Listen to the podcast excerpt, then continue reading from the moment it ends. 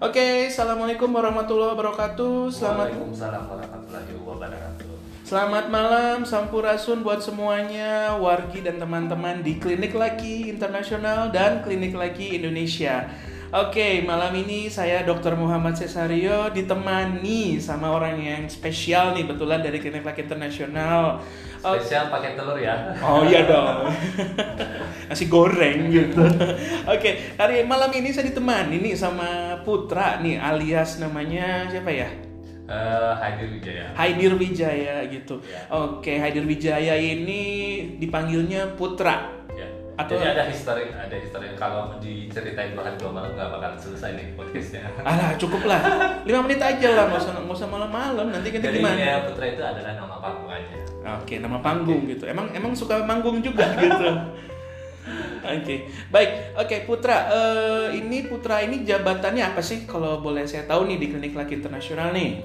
Eh, kalau saat ini sebagai supervisor untuk eh, eh, sales, nanti eh, di sini membawahi juga beberapa tim sales Baik. Uh, dan uh, ini uh, apa harapannya ke depannya ini uh, uh, bisa lebih sukses lagi sih sebenarnya uh, uh, apa namanya uh, bisa menjadi apa ya jadi panutan lah buat uh, ke depannya buat Oke. Lah, tadi katanya kan namanya Putra, nama panggung. Kok kayaknya agak-agak gugup nih. Memang kenapa ini nih ini, Putra? ini ini baru lagi sebenarnya uh, baru lagi sih uh, ada, ada ada seperti hal-hal seperti ini lagi ini baru buat buat aku lagi gitu Baru. Emang Iya. sebelumnya belum pernah gitu.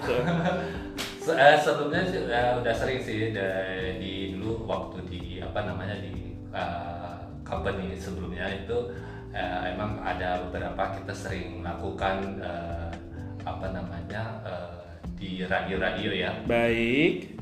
itu biasanya kita kalau ada exhibition atau mungkin ada pengenalan produk terbaru eh, kita sharing knowledge gitu. Dan kita juga membuka eh, line interaktif biasanya seperti itu untuk Oke. memperkenalkan lebih banyak lagi produk-produknya. Oke, baik gitu.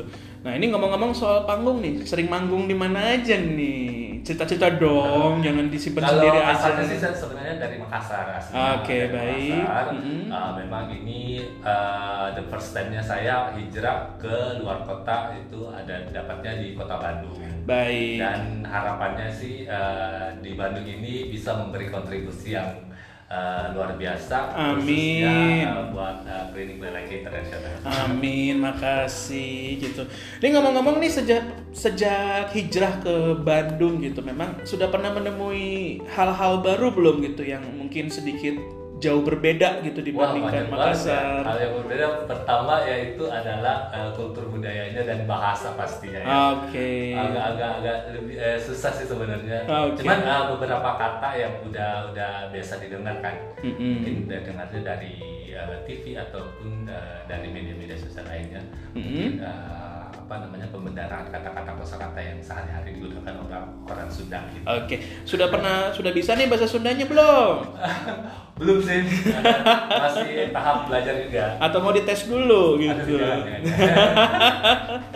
Oke, sebenarnya eh, ini nggak sih eh, banyak nggak sih ada ada shock culture nggak atau shock budaya gitu antara Makassar sama Sunda gitu sejauh ini ya, gitu? sangat sangat berbeda banget ya mungkin dari apa eh, karakter orang Makassar ya Ya. paling paling itu adalah paling kelihatan eh, adalah orang, orang Makassar itu agak lebih keras ya Ah, iya, betul. Sunda ini apa eh, eh, lemah lembut gitu ya Iya, iya. Lebih ramah gitu ya Iya, iya. Pertama kayak pertama kali saya waktu pas ke Makassar itu pas baru kali saya mendarat. yakin nggak jadi kayak orang berantem ya Oh, oh, iya, padahal sebenarnya sih itu hal yang hal yang lumrah Iya, gitu, hal yang biasa, biasa. gitu sih. Ya saya pikir saya mau ditabok gitu, teriak-teriak gitu. Tapi memang ya, memang sebenarnya sih memang ya tempat jelas lah ya. sa- lain tempat, lain budaya gitu sih. Ya mungkin dibilang keras juga sih sebenarnya Makassar nggak nggak keras-keras banget gitu. Memang ya memang yang budayanya memang agak sedikit orang kurang sabaran gitu atau Iya. gimana gitu. Karena pertama kali saya mendarat di Makassar itu saya langsung naik taksi itu uh itu yang namanya klakson itu nggak pernah berhenti di situ gitu.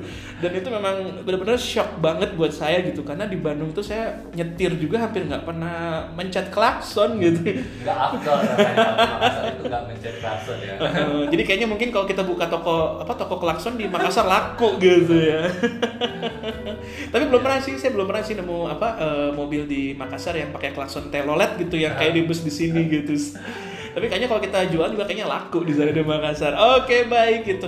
Oke, nah ini kan sebelum pindah ke hijrah ke Bandung gitu. Nah kalau boleh tahu boleh nggak sih cerita-cerita dikit nih uh, Putra sudah pernah kerja di mana aja dan di bagian apa sih? Kalau ya mungkin untuk menjaga etika yang gak usah disebut lah ya nama perusahaannya mungkin ya boleh lah kasih Oke. kata inisialnya gitu. Oke, eh, yang terakhir saya di apa bergerak di bidang telekomunikasi. Baik telekomunikasi. Eh, telekomunikasi itu sebagai terakhir itu untuk eh, corporate eh, sales area Ah. wilayah eh, Sumapa, Sulawesi, Maluku, Papua. Dan Wow. untuk produknya memang sangat eh, bertolak belakang ya sama eh, yang saat ini yang saya jalani itu lebih ke mainnya ke IoT eh, sama connectivity. Baik gitu. Jadi lebih ke IT sebenarnya. Mm-mm. Oke sih, pe- sepengalaman saya sih, eh, saya kebetulan juga emang udah pernah sih ya, apa eh, di asuransi pernah, di MLM pernah, ya termasuk sebelum ketika saya membangun perusahaan ini pun juga selama setahun saya memang benar-benar full, saya praktis sebagai sales gitu sih. Tapi sih menurut saya sih sebenarnya bukan permasalahan produk ya gitunya, Eh, karena memang ya orang sales mana pun tahu gitu, sebenarnya bukan masalah produk, tapi memang ya kemampuan dia gitu. Seperti tadi podcast saya tadi sore tadi dengan Ricky gitu sih. Memang sebenarnya adalah kembali lagi ke diri kita sebagai seorang sales gitu sih. Oke, sebenarnya memang eh, ada tantangan tersendiri nggak gitu ketika anda berpindah ini apa berpindah produk gitu dari te- produk telekomunikasi sekarang ke produk jasa kesehatan gitu. Eh, sebenarnya untuk eh, challenge pasti eh, setiap ini apa moving ke suatu ini pasti ada ada challenge masing-masing ya. Baik. Tapi itu tidak menjadi ha- hal yang apa namanya eh, hal yang sulit eh, Mm-mm. untuk sebagai seorang sales eh, marketing pasti udah udah bisa apa pun produknya ya. Jadi Ya. bukan masalah produknya. Oke. Eh, ya saya pernah eh, saya pernah di ini sama bos saya eh, sebelumnya eh, bahwa apa pun produknya mungkin eh, kalau disuruh jual eh, mohon maaf ya tai ya tai itu kan bisa jadi pupuk ya Iya, bisa betul. menghasilkan gitu jadi Iya. bukan masalah produk sebenarnya bagaimana kita cara caranya mengolah produk itu menjadi suatu hal yang bisa eh, mendatangkan benefit seperti Betul. itu Ya, jadi pada intinya sih kalau kita kesimpulkan ya sebenarnya pada intinya sih yang harus kita jual tuh harus yang bisa memberikan keuntungan bagi yang membelinya gitu. Nah, kalau kita tidak memberikan keuntungan gimana? Apa sebabnya nih kalau boleh saya tanya nih gitu. yang pastinya kalau tidak memberikan benefit yang pastinya eh, produknya eh, kita eh, sangat susah ya sangat Mm-mm. susah. makanya eh, kita harus eh, melihat beberapa aspek yang pertama dari sisi eh, marketnya dulu Ya. apakah benar market kita udah sesuai nggak eh, Mm-mm. gitu terus eh, dari dari market sendiri kita juga melihatnya eh, apa namanya eh, dengan kondisi eh, mungkin eh, seperti kayak misalnya setiap area kan pasti beda-beda ya Ya. Beda-beda jadi ada habit kebiasaan apa segala macam eh, sampai kultur budaya juga bisa mempengaruhi sebenarnya Oh, baik. gitu. jadi biasanya orang mungkin yang di luar di apa namanya di luar kota di daerah ya Mm-mm. masih eh, apa masih mengharapkan kayak eh, medis itu kayak hal yang sesuatu yang apa ya yang sangat eh, mahal mereka masih masih memikirkan eh, kayak alternatif apa segala macam dan mereka tidak pernah memikirkan efek dari efek samping dari hal tersebut. Oke, Sebenarnya. baik. Jadi sebenarnya eh, dari pengalamanmu nih kan dibilang kalau orang di kota akan lebih mudah gitunya untuk membeli Ya. produk dibandingkan orang di daerah Ya. gitu ya. Karena memang ya dari dari segi edukasi jelas mah orang di kota akan jauh lebih baik ya dibandingin Ya. orang di dari tingkat ini eh, intelektual mereka udah mengerti ini eh, plus minusnya seperti apa. Mereka udah tahu pastinya seperti itu. Dan memang saya rasa eh, untuk eh, suatu pengobatan treatmentnya emang harus secara medis. Oh iya, karena baik. kalau secara ya, apa namanya eh, di luar medis apalagi yang non medis ya yang pakai distribusi itu agak sangat apa ya sangat eh, susah untuk eh, diterima dari akal sehat kok kita kan belum ngomongin medis, kenapa sudah ngomong nyambung ke sana gitu? Jadi bakalan panjang ini pembicaranya. Eh, apa terlalu serius nih? Jadi kita kayaknya harus kembali lagi nih untuk lebih rileks lagi nih karena ya jangan sampai jadi tegang gitu. Karena kan ini kan podcast ini kan memang kita uh, kita adakan untuk biar lebih apa ya selain mengedukasi ya juga menghibur juga dong yang memberikan informasi. Masa udah ngasih informasi tegang nanti setruk mati lagi gitu kan? Oke okay, maaf maaf. Oke okay, uh, eh, kembali lagi nih nih uh, kita bicara soal Makassar dulu gitu. Nah tadi kan dikatakan sama Putra kan tadi kan sudah apa uh, untuk penjualan apa produk telekomunikasi di daerah Makassar sampai ke Maluku Papua, ya, ya, sampai Papua. Sulawesi, Maluku, Papua. Oke. Okay. Oke. Okay. Nah, ini kita mau tahu nih karakter orang Papua nih karena memang kita juga lumayan cukup banyak nih ya pasien dari Makassar, dari Maluku sampai Papua gitu. Nah, karakter apa sih sebenarnya uh, ada nggak sih kesamaan antara ketiga tempat itu uh, dari orang Makassar, orang Maluku atau mungkin orang Papua gitu sih? Uh, terus terang untuk uh, area Papua, uh, saya belum pernah sampai ke sana ya. Yeah. Untuk uh, seluruh daerah Sulawesi, mulai dari Manado, Palu, Kendari, Sulawesi Barat juga uh, itu sampai uh, apa pelosok-pelosok uh, kabupaten udah yeah. pernah. Uh, jadi uh, memang setiap masing-masing uh, daerah mempunyai uh, kultur budaya yang berbeda-beda dan treatment untuk uh, melakukan penjualan itu uh, selling kita pasti uh, treatmentnya beda-beda. Oke, okay. oke. Okay. Nah ini kita, uh, saya baru baca nih ya, baru baca berita nih tentang uh, bagaimana Gubernur Jawa Barat kita nih uh, untuk mensosialisasikan vaksinasi COVID-19 nih di Cianjur gitu. Dia sampai uh, memberikan apa? Memberikan reward atau hadiah berupa ayam gitu. Apakah anda juga melakukan demikian gitu untuk sampai masuk ke pelosok gitu untuk menjual produk telekomunikasi anda di sini gitu sih? Uh, Oke, okay, uh, untuk produk telekomunikasi sendiri uh, sebenarnya uh, uh, kita produknya uh, uh, pasarnya ya, yeah. marketnya uh-huh. itu memang uh, bukan yang mobile ya, yeah. uh, uh. jadi bukan mobile dari sisi produk juga. Jadi kita memang menyasar adalah uh, government, government sama korporasi. Oh iya baik baik. Jadi mungkin uh, untuk sasarannya eh, memang bukan sampai ke uh, masyarakat umum. Oh baik baik. Cuman Uh, kebutuhannya nanti uh, apa namanya itu akan dirasakan share, ya, nah. dirasakan uh, oleh masyarakat oleh juga. Masyarakat. Oke okay, baik. Oke. Okay. Berarti memang uh, penjualan uh, korporasi ini apakah sampai di tingkat kepala desa atau gimana ini? Uh, kita mainnya sampai kepala dinas saja sih. Kepala dinas. Uh, nanti hmm. kepala dinas itu akan men-share ke uh, sampai ke kecamatan sampai ke kelurahan. Oke, nih kita bicara nih soal dinas nih. Berarti kan dinas kan berarti kan berhubungan dengan pemerintah daerah di sini gitu. Ada nggak sih tantangan tertentu ketika anda masuk uh, ngetok pintu nih kan nggak mungkin ujuk-ujuk ada. wow ya. Oke, kan nggak mungkin ada kan tiba-tiba uh, langsung masuk gitu, langsung Jadi ke kenal. Uh, kantor Pemda mau ketemu nih sama bupati nih nggak mau tahu kan nggak mungkin gitu ada nggak sih trik-trik tertentu agar anda bisa sampai diterima oleh let's say mungkin ya sampai kepala dinas atau mungkin sampai bupati gitu ada nggak trik-trik tertentu gitu Uh, ya, uh, emang kalau untuk ketemu sama apa namanya uh, decision maker ya, ya. Uh, mau itu bupati ataupun mungkin kantor-kantor uh, perusahaan, uh, mungkin yang decision maker itu kepala cabang atau apa uh, ya. itu memang uh, uh, ada treatment-treatment tertentu. Uh, dan yang paling penting sih adalah kita buat janji. Ah, buat janji. Nah, buat janjinya itu saya pernah kadang buat janjinya dan nunggunya itu dari pagi sampai sore baru diterima gitu. Ah. Tapi memang eh, sebagai seorang sales kita harus sabar. Ah, sabar, sabar kuncinya. Harus kata kuncinya adalah sabar mm-hmm. dan pada saat kita dibukakan pintu istilahnya ya dibukakan pintu, nah di situ saatnya kita bisa menjual, ah, menjual okay. uh, eh, apa namanya menjual uh, apa semua benefit-benefit yang bisa kita berikan ya. mau dari si uh, dari segi produk, service hmm. ataupun after salesnya seperti itu. Oke okay, baik.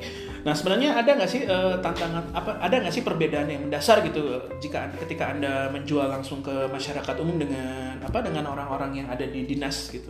Ada nggak perbedaan mendasar? Maksudnya oh, saya kan okay. uh, sangat berbeda sih. Jadi uh, untuk dari dari produk memang uh, sangat berbeda jadi ada yang premium ada pun yang uh, mungkin uh, untuk yang istilahnya uh, kita beli putus ya. Yeah, jadi treatmentnya beda. Jadi kalau yang uh, korporasi kita itu harus uh, mendampingi sampai benar-benar closing. Mm -hmm. setelah closing pun kita nggak biarkan. Uh, lepas gitu aja. Tetap Baik. kita nge-treat sampai dengan nanti pada saat uh, itu kan kontrak ya sistemnya kontrak juga. Ya. mereka kontrak sama kita setahun dua tahun terserah nanti kontraknya gimana nanti setelah uh, kontrak gimana caranya kita nge-treat akhirnya mereka renewal lagi Ah, renewal renewal kontrak lagi Ah. gitu Baik, jadi pada intinya setiap sales juga harus bisa ber apa ya ber apa ya berfungsi juga sebagai seorang customer service berarti ya gitu. customer service mau collection apa segala macam sampai penagih pun juga gitu Oke, baik baik baik. Jadi harus harus tahu ya bidang ilmunya sebenarnya eh, bukan ilmunya kita ya sampai masalah billing apa segala macam itu kan masing-masing ada ada ada fungsi masing-masing. Cuman sebagai seorang sales kita harus paling enggak tahu dasarnya ini Baik, dari baik. mana sih seperti itu. Baik. Nah, sebenarnya ini saya mau nanya nih, eh, kebetulan kan dirimu jauh lebih berpengalaman gitu di perusahaan telekomunikasi yang besar ini gitu. Nah, sebenarnya banyak nggak sih hal-hal yang bisa diimplementasikan? Karena kan tadi, tadi kan eh, ada beberapa poin yang ditekankan di sini seperti kata sabar, seperti apa eh, penggunaan apa ya istilahnya apa ya after sale service gitu. Ini sebenarnya bisa nggak sih diimplementasikan ketika di Oh sangat bisa. Dan itu kan eh, hal yang mendasar dari bagi seorang eh, sales ya. Ya, Yang penting adalah kata kunci adalah harus sabar. gitu. Sabar, Sabar. gitu. Nah setelah closing pun kita nggak nggak harus langsung udahlah closing kita tinggalin uh, Ya. customer nggak kita harus uh, apa mendampingi setiap mereka ada masalah kita tetap uh, konfirmasi nggak apa-apa uh, pak gimana pak produknya ada kendala nggak gitu Ya. ditanyain gitu terus kalau misalnya uh, setelah pun uh, uh, kita harus memberikan add value yang yang lebih dari kompetitornya kita Hmm, kita baik. harus cari gali apa sih add value dari dari produk kita gitu Oke, kan. baik. kayak misalnya eh, apa namanya eh, seorang pejabat kan nggak mungkin lah eh, pergi ke ke kantor eh, galeri ataupun eh, ke mana namanya ke customer service untuk ngantri apa segala macam jadi saya add value-nya itu adalah eh, tenang aja pak bapak kalau eh, ada kendala ada masalah nggak usah ke customer service ya pak Baik, ya baik. cukup menghubungi saya aja Oke. satu kali 24 Hmm. jam Oke, nah itu kebetulan ini berbicara soal add value gitu. Mungkin kalau buat saya pribadi sih saya sudah pernah baca dan saya juga pernah berdiskusi dengan para ahlinya gitu dan berbicara soal nilai plus atau mungkin boleh dibilang itu di dalam ilmu marketing S3 ini karena jujur ini ilmunya sudah sangat berat sekali ya sudah S3 ini dalam eh, dalam kita sebut juga sebagai unique selling proposition gitunya USP gitu bahasa bahasa ini apa bahasa ilmiahnya gitu ya. Mohon maaf nih kalau teman-teman nggak ngerti ya boleh nanti langsung nanti bisa lihat di Google ya. Baik. gitu. Nah, nah sebenarnya sih pada intinya mungkin kalau kalau kita bandingkan ya dengan apa dengan perusahaan telekomunikasi kompetitor Anda itu mungkin nggak sebenarnya mereka juga sudah punya gitunya hal tersebut. Cuma mereka tidak apa ya tidak mensoundingnya tidak memberitahunya. Jadi sehingganya sebenarnya pada intinya ya ya mungkin aja gitunya add value yang diberikan oleh perusahaan anda itu juga mungkin biasa-biasa aja bahkan sudah ada di perusahaan milik komputer cuman anda lebih mengkomunikasikannya loh. Ini loh pak kelebihan kami. Sebenarnya juga mungkin ya perusahaan juga ada kelebihannya cuma tidak diberi apa tidak dilepaskan tidak diberitahukan gitu sih. Sebenarnya itu sih eh, tergantung improve-nya seorang sales aja. Ya. sebenarnya dari dari korporasinya saya sendiri eh, tidak mewajibkan adanya hal tersebut Ya. cuman saya untuk eh, apa namanya untuk biar eh, customer saya tetap stay saya mikir sendiri apa nih yang harus saya berikan selain Ya. service Baik. Service mah sama bisa bilang eh, mungkin kompetitor jauh lebih bagus ya ya cuman kita harus eh, apa namanya ada sesuatu gimmick yang bisa mungkin hal yang kecil tapi menjadi besar buat mereka Hmm. Padahal hanya hanya hanya sebatas komunikasi aja memberitahukan saja gitu. Padahal sebenarnya kompetitor juga punya gitu nilai plus ini gitu. Oke baik.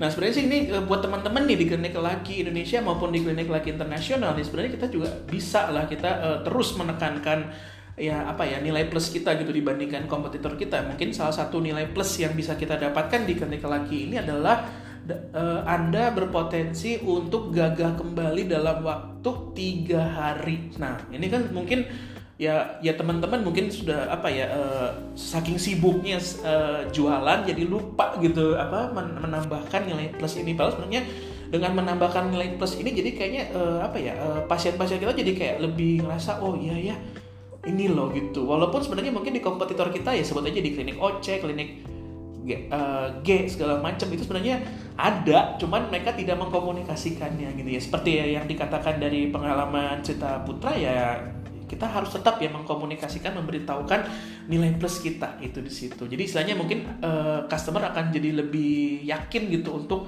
memakai produk kita. Iya toh ya? Ya. Oh, oke. Okay. cuma yakin aja jadi mereka tetap stay gitu. Dan mereka pasti akan uh, apa ya mensiarkan kembali ke teman-teman keluarga atau kerabat-kerabat. Jadi uh, bukan putus sampai di mereka aja. Jadi uh, tetap uh, kita bisa fight uh, dan bisa awareness lebih dapat Baik. Nah, saya mau nanya nih, kebetulan uh, Anda memang uh, menjual ke korporasi. Berarti pada intinya kalau memang ada ada satu badan korporasi yang puas dengan pelayanan Anda gitu, mereka pun juga tidak segan-segan untuk memberikan referensi gitu. Nah, biasanya referensi juga berupa korporasi juga atau gimana biasanya? Ya, uh, referensinya uh, macam-macam sih, bisa korporasi, bisa kontak person, apa pun uh, bentuknya itu kita terima hmm. dan biasanya juga uh, tanpa tanpa mereka ini kalau mereka puas kita biasanya uh, menginformasikan pak bapak ada referensi nggak kita nggak nggak nggak apa nggak nggak malu bertanya yeah. bertanya aja bapak uh, ada referensi nggak uh, gimana uh, produknya kita kita jadi harus uh, ini dulu apa uh, mengetahui dulu bahwa mereka udah puas dulu dengan produknya yeah. uh. udah puas baru kita minta referensi Oke, okay. baik. Nah, jadi bukan juga uh, masalah kepuasan itu bukan dari dari sisi produk, jadi bisa aja servis ya. Ya. Yeah. Jadi uh, semua aspek um, Nah, jadi pada intinya mungkin juga uh, produk yang Anda tawarkan juga mungkin nggak akan jauh beda dengan kompetitor gitu ya. Mungkin mungkin lebih semuanya pasti ada plus minus. Ya, gitu. baik. Cuman kita ya itu tadi uh, harus menggali lebih dalam lagi eh, value apa yang bisa kita berikan. Ya. Jadi pada intinya mungkin di sini ya uh, nilai plus Anda adalah pelayanannya gitu ya buat mereka puas gitu. Jadi sehingga mereka pun juga lebih memilih untuk datang ke perusahaan telekomunikasi Anda dibandingin perusahaan telekomunikasi kompetitor Oke baik gitu. Nah tadi selain uh, selain anda tadi sudah menekankan uh, adanya nilai plus, adanya kesabaran, adanya after sale service gitu. Ada nggak uh, tambahan poin terakhir gitu yang mungkin kita akan bisa sampaikan ke teman-teman semua nih yang ada di klinik laki gitu? Apa ya intinya uh, apa ya kita sebagai seorang sales marketing bisa uh, pandai-pandailah uh, melihat uh, situasi dan kondisi. Uh, kalau mungkin uh, ada peluang untuk bisa uh, apa namanya bisa menggarap lebih banyak lagi uh, apakah itu dengan cara improvement mm -hmm. ataupun uh, mau dari sisi pelayanan, uh, servis ataupun mungkin juga dari produk sendiri itu nggak apa-apa disampaikan aja mungkin itu jadi masukan juga buat ini mungkin ke depannya bisa jadi lebih baik lagi. Oke, okay, baik. Terima kasih Putra. Oke, okay, ini untuk yang terakhir kalinya nih, saya mau nanya gini, uh, di masalah pandemi COVID-19 saat ini, menurut Anda ini suatu peluang atau suatu masalah ini? Di bidang sales. Ini kaitannya uh, masalah sih sebenarnya, uh-huh. karena uh, itu kan uh, apa namanya ini masalah global ya. Yeah. Uh, tapi terlepas dari itu kita harus mem- uh, memanfaatkan momentum. Gitu. Mm-hmm. Jadi uh, momen-momen ini uh, orang itu sangat sangat peduli dengan kesehatan. Ya. Nah, kan kita uh, bergeraknya di bidang kesehatan juga. Ya, Kenapa kita nggak memanfaatkan momen tersebut? Uh, walaupun mungkin uh, beda ya, beda hmm. untuk ininya. Makanya uh, momennya itu adalah kita uh, membantu mereka dengan cara online. Ya. Uh, betul. Gitu. Jadi nggak langsung touch ke mereka, karena mereka kalau touch langsung juga mereka uh, worry, takutnya uh, terpapar COVID. Ya. Apakah hmm. itu dari kita atau gimana ini? kan uh, kan kita nggak tahu jadi kita makanya kita menginformasikan bahwa kita ini sistemnya online Baik. karena dengan keadaan saat ini uh, COVID-19 uh, itu uh, sangat riskan ya. uh, jadi kami membantunya dengan cara online. Baik. Nah, jadi Anda e, kalau saya ambil kesimpulan mungkin Anda memandang ini juga sebagai e, peluang gitu ya, peluang ya, yang besar. Oke, okay, baik. Ada pesan terakhir nggak nih kira-kira yang ingin Putra sampaikan buat teman-teman sales nih, terutama teman-teman sales yang ada di klinik laki internasional nih? Ada? Ya intinya uh, tetap memanfaatkan peluang uh, apabila ada apa namanya peluang itu bisa saja datang dari dari apa namanya uh, dari yang ada ya. kita jangan menyanyiakan leads yang uh, udah ada datang dari kita kita harus bisa uh, menjadikan uh, get number gitu ya. ya jadi jangan dilepas gitu aja ya. karena uh, sangat sulit uh, mendapatkan uh, uh, satu orang pasien itu sangat sulit didapatkan. Baik. Ya, Oke. Karena sangat berbeda banget dengan pengalaman saya di ini uh, di sebelumnya. Ya. Uh, memang benar-benar kita yang cari leadsnya. Oke, Kalau ini enak udah dibantu. Jadi teman-teman ini juga apa digital marketing terima kasih ya. Ya. Uh, mungkin uh, apa namanya masukan juga buat teman-teman digital marketing uh, mungkin uh, apa namanya uh, materi untuk postingannya juga uh, uh, bisa lebih berbobot dan Ya. bisa me- uh, apa namanya mendukung kami dalam hal uh, jualan. Oke baik ya mohon di ini ya mohon dicatat nih teman-teman digital marketing ya bukan kita ini karena memang ya kita karena kita saling bersinergi. gitu ya betul Ya. bekerja sama dengan ya, karena itu uh, datangnya dari teman-teman DM juga Ya. uh, jadi kita juga uh, sama-sama sama-sama apa uh, growth ya Ya. istilahnya sama-sama bangkit sama-sama uh, apa uh, mendapatkan tujuan yang sama goalsnya sama-sama goals gitu Tapi nanti kalau tim digital marketing komplain misalnya salesnya, oh ini kenapa nih kita udah datengin banyak banget nih lead, Ya, tetapi makanya itu dari seorang sales juga jangan karena uh, kita banyak didatangi list dari digital marketing dengan seenaknya juga kita lepas-lepas aja gitu ya kan. betul. Uh, jadi kita harus gali lagi lebih dalam ini uh, kenapa uh, oh mungkin karena uh, apa namanya selera employee-nya belum ini jadi marketnya belum dapat apa segala macam itu bisa menjadi semua. Oke baik, terima kasih Putra atas kehadirannya di malam ini dan mau berbagi serta ya istilahnya ya sharing pengalaman gitu. Ini jujur ini berharga banget gitu. Dan memang ya kalau buat teman-teman sales ya memang ya belajarnya ya dari cerita dan pengalaman senior senior yang terdahulunya yang udah jago gitu. Oke terima kasih Putra atas ininya pak atas sharingannya. Saya harap terima semua kasih Uh, uh, saya harap semua juga teman-teman ya mau lah ya uh, apa belajar lagi gitu dan ya mungkin salah satu tujuan kami di sini untuk uh, membuat podcast ya biar teman-teman juga nggak apa ada pemasukan lah sedikit demi sedikit gitu. Ya. Oke, mari yang, kita yang positifnya eh, di ini ya eh, jadi masukan yang negatifnya nanti dibuang aja Nah, memang dari tadi emang kita bicara negatif gitu, orang positif semua gitu. Oke, terima kasih Putra. Mari kita tutup aja podcast malam ini dengan mengucap alhamdulillah, terima kasih semuanya yang sudah mau mendengarkan podcast ini dari awal hingga akhir. Saya ucapkan wassalamualaikum warahmatullahi wabarakatuh. Waalaikumsalam warahmatullahi wabarakatuh.